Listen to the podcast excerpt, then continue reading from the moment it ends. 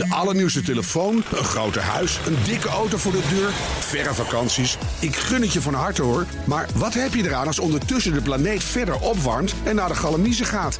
Wil je echt weten hoe het zit en wat we eraan kunnen doen? Luister dan naar BNR Duurzaam. Elke maandag tussen 3 en half 4 op de radio en altijd online als podcast. Want die volhoudbare wereld, die maken we samen. BNR Duurzaam wordt mede mogelijk gemaakt door Milieuservice Nederland. De ondernemende afvalpartner voor zakelijk Nederland. De column van Bernard Hammelburg. Fat Man. Dat was de misleidend onschuldige naam van de Amerikaanse atoombom die vandaag precies 72 jaar geleden ontplofte boven de Japanse stad Nagasaki. Drie dagen eerder had een iets kleinere bom met een nog sarcastischer naam Little Boy Hiroshima van de kaart geveegd. Het zijn de enige nucleaire wapens die ooit zijn gebruikt. Hiroshima en Nagasaki hebben beide monumenten op Ground Zero, een term die door de Amerikanen was bedacht voor de krater die zo'n in de lucht ontplofte bom veroorzaakt.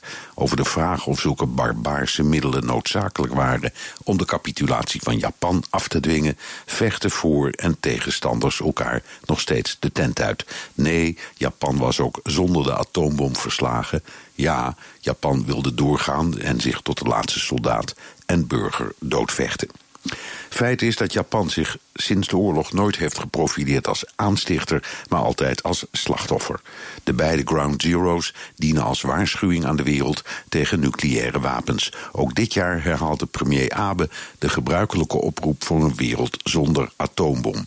En iets nadrukkelijker dan doorgaans, want de dreiging van een aanval door Noord-Korea jaagt de Japanners te stuipen op het lijf. Meer dan Zuid-Korea of Amerika, want die hebben geen Hiroshima en Nagasaki.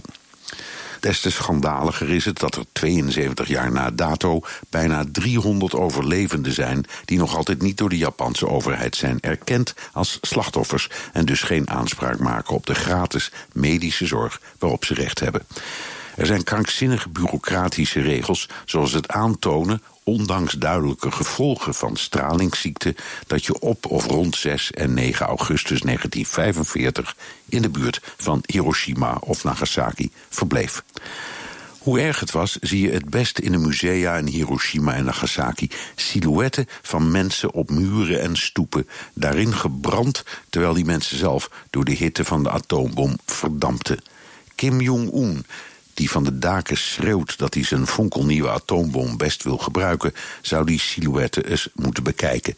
Het kleine, dikke mannetje kan dan zien wat Fat Man en Little Boy hebben aangericht. Precies 72 jaar geleden. En dat zei Bernard Hammelburg in zijn column. En die kunt u teruglezen en luisteren op bnr.nl en in onze BNR-app. De allernieuwste telefoon, een groter huis, een dikke auto voor de deur, verre vakanties. Ik gun het je van harte hoor. Maar wat heb je eraan als ondertussen de planeet verder opwarmt en naar de galamiezen gaat? Wil je echt weten hoe het zit en wat we eraan kunnen doen? Luister dan naar BNR Duurzaam. Elke maandag tussen 3 en half 4 op de radio en altijd online als podcast. Want die volhoudbare wereld, die maken we samen. BNR Duurzaam wordt mede mogelijk gemaakt door Milieuservice Nederland. De ondernemende afvalpartner voor zakelijk Nederland.